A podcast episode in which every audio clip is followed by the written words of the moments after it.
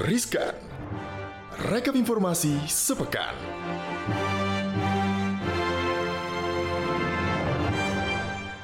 Selamat pagi, selamat siang, selamat sore, dan selamat malam Sobat Selamat berbahagia Anda Cuan Emang ini ucapan nikah gitu Eh, Iya kan selalu berbahagia Kita harus selalu berbahagia Benar, dong, benar, benar, benar ya Apapun kan? itu kita harus bahagia dan tentunya mensyukuri Bener Syukurilah apa yang ada ya Benar, kata ada masih syukuri apa yang ada Kayak Saipul Jamil lama-lama ya Denger-denger Gue udah bisa nih jadi host di itu Karena udah bisa, Bisa, bisa. menyanyiin semuanya Iya, ya lu bener-bener Lu gantiin yang di boykot sama TV ya Ini Iya, benar, benar, benar, benar Gak apa-apa, nggak apa-apa Balik lagi di Rizkan Rekap informasi sepekan Sobat Cuan Bareng dengan Muhammad Ibran Dan juga Maria Katarina Kita akan yeay. ngasih informasi yang Selama sepekan ini tuh yang menjadi viral gitu ya. Viral, Jadi menjadi benar. paling banyak dibaca di zenbisindonesia.com gitu ya Betul. Oleh Sobat Cuan Yang pertama nih Ada yang pede banget Pede banget sih, bukan Percaya diri Masih PD PDBRI ini tumbuh 5% di kuartal 3 Pak Bener. Jokowi Gip ya Sobat Iya. Cuan yakin katanya pe- pertumbuhan perekonomian Indonesia di kuartal 3 2022 ini masih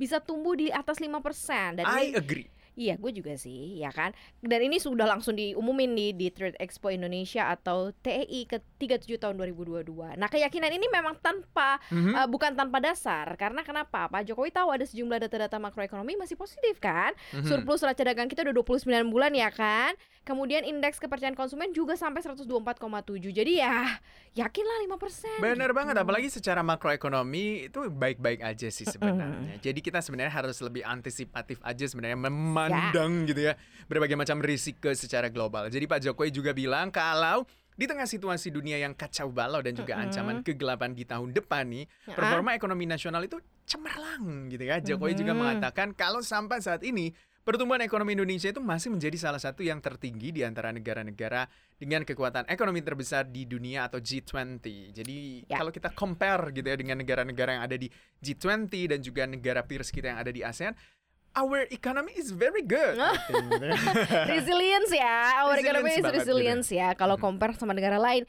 Karena kalau dilihat laju inflasi nasional di periode Agustus ini masih bisa dikendalikan katanya di 4,6 persen. BBM juga uh, kenaikannya masih uh, lumayan bisa dikendalikan gitu. Jadi ya nggak ada lah faktor-faktor yang akan membuat uh, rapot uh, pertumbuhan ekonomi kita nih jelek gitu. Benar loh, banget. Gif. Karena kalau kita lihat ya makronya bagus, kita hanya perlu mengantisipasi aja Benar. Nah, apa yang kita tidak inginkan terjadi di tahun depan. Makanya di tahun ini tuh Mm. diantisipasi. Ya, termasuk uh, harga minyak yang anjlok ya, berarti harga BBM bisa turun ya. Bener, karena kan kalau 3% kita ya. ikutin harga keekonomian gitu kan Iya, harusnya iya, iya. harga bahan bakar minyak yang non subsidi ya berarti ya Heeh, seperti Tamax Pertamax dong. Pertamax turbo juga Iya, Yes, ya betul. itu kan yang lain-lain yang nggak disubsidi itu harusnya Bisa menjadi turun. karena kalau kita lihat nih eh, harga minyak mentah dunia itu udah anjlok 3% Mm-mm. jadi para pelaku pasar minyak mentah dunia ini cemas akan hasil rilis data ekonomi China yang ditunda hal ini juga menekan harga minyak dunia hingga lebih dari 3% pada perdagangan Mm. Selasa 18 Oktober 2022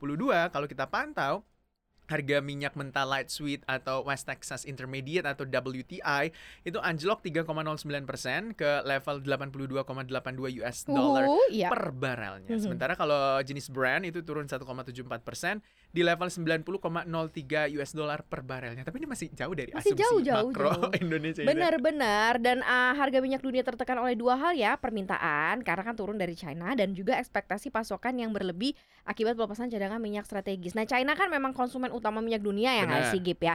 Ini menunda rilis indikator ekonomi yang dijadwalkan dipublikasikan minggu ini termasuk data pertumbuhan ekonomi. Sementara nih analis si eh, markets eh, Tina Tang dia bilang nih katanya ketidakpastian ekonomi China nih kian meningkat karena strategi nol covid adanya strategi nol covid ini di mana pemerintah kan ya mau nggak mau mau ada satu orang yang kena ya tutup ya lockdown Benar gitu banget. Jadi kalau kita lihat ini selain itu harga juga tertekan karena ada laporan pemerintah Amerika yang akan terus melepaskan minyak mentah dari cadangan strategisnya. Kalau kita lihat nih, sebenarnya ini kan kayak ibaratnya agak ya rumor lama gitu ya. Yang paling banyak tuh sebenarnya minyaknya Amerika Serikat. Kalau Iya. dia beli beli beli beli beli terus Beli-beli- nimbun nimbun nimbun nimbun. nimbun. nimbun, bener.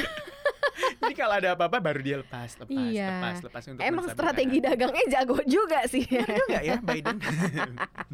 Oke, ditambah lagi ya. Tadi kan udah dua nih. Satu lagi nih terkait mengenai utang luar negeri RI yang turun. wow, jadi harga bisa minyak ya, kok turun, ini turun ya? turun ya? Wah, apa Kan kita dolarnya- rajin bayar? nih? Dolarnya lagi kuning.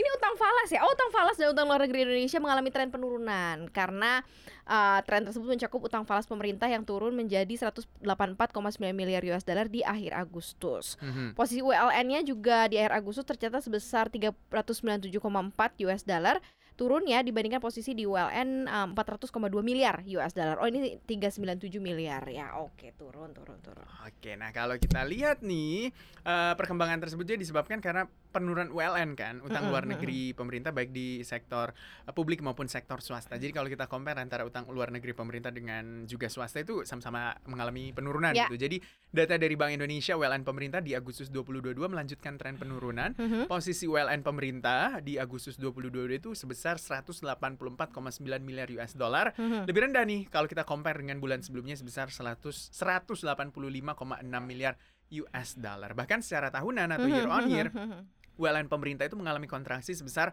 10,09 persen, lebih dalam dibandingkan dengan kontraksi di Juli 2022 sebesar 9,9 persen secara year on year. Tuh, Gitu. berarti tambah yang apalah resesi utang luar negerinya aja turun yang bisa dibayar sama pemerintah. Optimisme, eh, salah, Oh, gitu. optimistis, gitu kan kata Pak Jokowi. Oke, sama seperti Pak Jokowi ketika ketemu sama Presiden FIFA nih, Hmm. kayaknya ada banyak berita ba- baik ya karena kan Benar. kemarin kita takut banget nih karena kanjuruhan kita di ban. Ternyata Presiden Joko Widodo menggelar pertemuan secara tertutup bersama Presiden FIFA Gianni Infantino di Istana Negara di Selasa kemarin nih. Dalam pertemuan yang berlangsung selama kurang lebih satu jam setengah aja nih, Jokowi sama Gianni Infantino bahas sejumlah aspek penting, terutama ya pasca terjadi yang eh, terjadi di Kanjuruhan Malang. Dan Benar Jokowi mengatakan mereka sepakat bahwa tragedi ini jadi pelajaran penting ya jangan keulang lagi pastinya Nah, nggak boleh Karena kalau kita lihat nggak boleh ada yang terulang lagi, nggak boleh tidak ada tidak nyawa tidak melayang lagi. betul karena ini sepak bola, bukan sepak nyawa ya Benar banget. Jadi Pak Jokowi menegaskan kalau pemerintah Indonesia dan FIFA sepakat untuk melakukan transformasi persepak bolaan Indonesia secara menyeluruh dan juga memastikan semua aspek-aspek yang ada di dalamnya berjalan sesuai dengan standar dan juga Mhm. keamanan yang sudah ditetapkan. Jadi pemerintah Indonesia dan juga FIFA ini sepakat untuk melakukan kajian ulang Ya. terhadap seluruh stadion di Indonesia. Yes. Rencananya ini akan ada penggunaan teknologi mutakhir agar kejadian di Kanjuruhan ini nggak terulang lagi nih. Dan terakhir nih pemerintah juga eh, serta FIFA tuh sepakat untuk bersama-sama mengkaji ulang pemangku kepentingan persepak bolaan di Indonesia. aduh udah dari lama segera deh ya Oke, semoga juga kan kalau kita lihat tuh kanjuruhan katanya mau dirobohin nih terus dibangun ulang. mau di uh, rebuild lagi ya Benar, ya benar, karena benar. termasuk mungkin di kampung saya jangan lupa ya dibangunin stadion nggak punya tolong stadion soalnya. ya di daerah mana coba tolong biar di dicatat. Makassar Di nggak punya ya. stadion coy gitu ya. Jadi tolong dibangunin stadion yang juga. sama kayak ini ya JCC ya Jakarta International Bener, kalau Stadium. bisa mm, MCC Makassar apa International Stadium. Oh, MIS. berarti. MIS iya. MIS Miss gitu kan. gitu tuh. Tolong didengarkan ya biar bisa menjadi center persepak bolaan juga di Makassar ya. Oke, sekarang ada yang wamil nih. akhirnya Sahamnya saya harus turun. wamil ya. Makanya saya pamit gitu kan dari sebagai kamu mau berbagai wamil. macam persiapan itu karena saya mau wamil. Kamu mau wamil. Iya, Oke. Wajib memilih. Bukan wajib militer. Jadi ini karena ada wamil atau wajib militer itu saham hype tumbang. Iya, Tahu nggak iya, sih iya, Hype itu iya, kan iya. yang punya BTS. BTS ya, saham agensi boyband ya asal Korsel Hype yang menaungi BTS tumbang katanya di perdagangan. Pasca diumumkan salah satu, cuma salah satu doang. Iya, tapi itu ber- ber- ber- Ngaruh ya. ber- bergiliran gitu nantinya. Oh, satu tadi, satu jadi lagi, habis satu lagi gitu. Jadi kayak mulai dari yang tertua deh setahu gue. Ih, gue apakah army? Kamu kamu ini ya, aduh army banget ya. Iya iya iya. iya. Nah saham hype ini terkoreksinya 2,54 persen di Senin kemarin ya Jadi 115 ribu Korean won ya Dan nilai kapitalisasinya pun juga saat ini berada di 4,76 triliun won Gila gede juga Nah, Wah, 4,76 triliun won gede juga ya. Tunggu, tunggu, Nah, keren. kalaupun loh terkoreksi itu. Oh. nih, walaupun terkoreksi nih Maria, Hype ini masih menjadi sebuah perusahaan agensi dengan kapitalisasi pasar terbesar Mm-mm. di Korea Selatan mengalahkan YG Entertainment, Ya, ya, SM ya, ya. Entertainment dan juga GYP Entertainment. Bahkan eh, kalau kita lihat, ini kan yang mau pergi wamil itu Jin. Oh Ini- Ya, Jin Jin itu adalah member BTS yang pertama yang akan menjalani wamil gitu ya. Ini adalah teman saya gitu. Parah Saya loh Jun. Besti Jin dan Jun Saya Jun ya gitu. Benar. Jadi walaupun nggak ditahu nih kapan pastinya Jin akan memulai wamilnya, Mhm. tapi rata-rata tuh kalau sudah wamil, wah pasti apa Lebih ya, cakep Atau lebih apa lebih nasionalismenya Lebih nggak perlu tinggi. di- Oh iya, Iya, Pak. nggak perlu diragukan lagi. Tapi ya gitu. buat uh, personel BTS nanti diganti sama Jun Iya, Sudah kan siap ada Jun di masuk sini ya, saya sudah siap masuk mengganti. Wah diserang saya nanti. Nama ARMY Tidak tapi yang jelas sukses ya Bu Jin sama Wamilnya. Oke. Silakan apa Anda?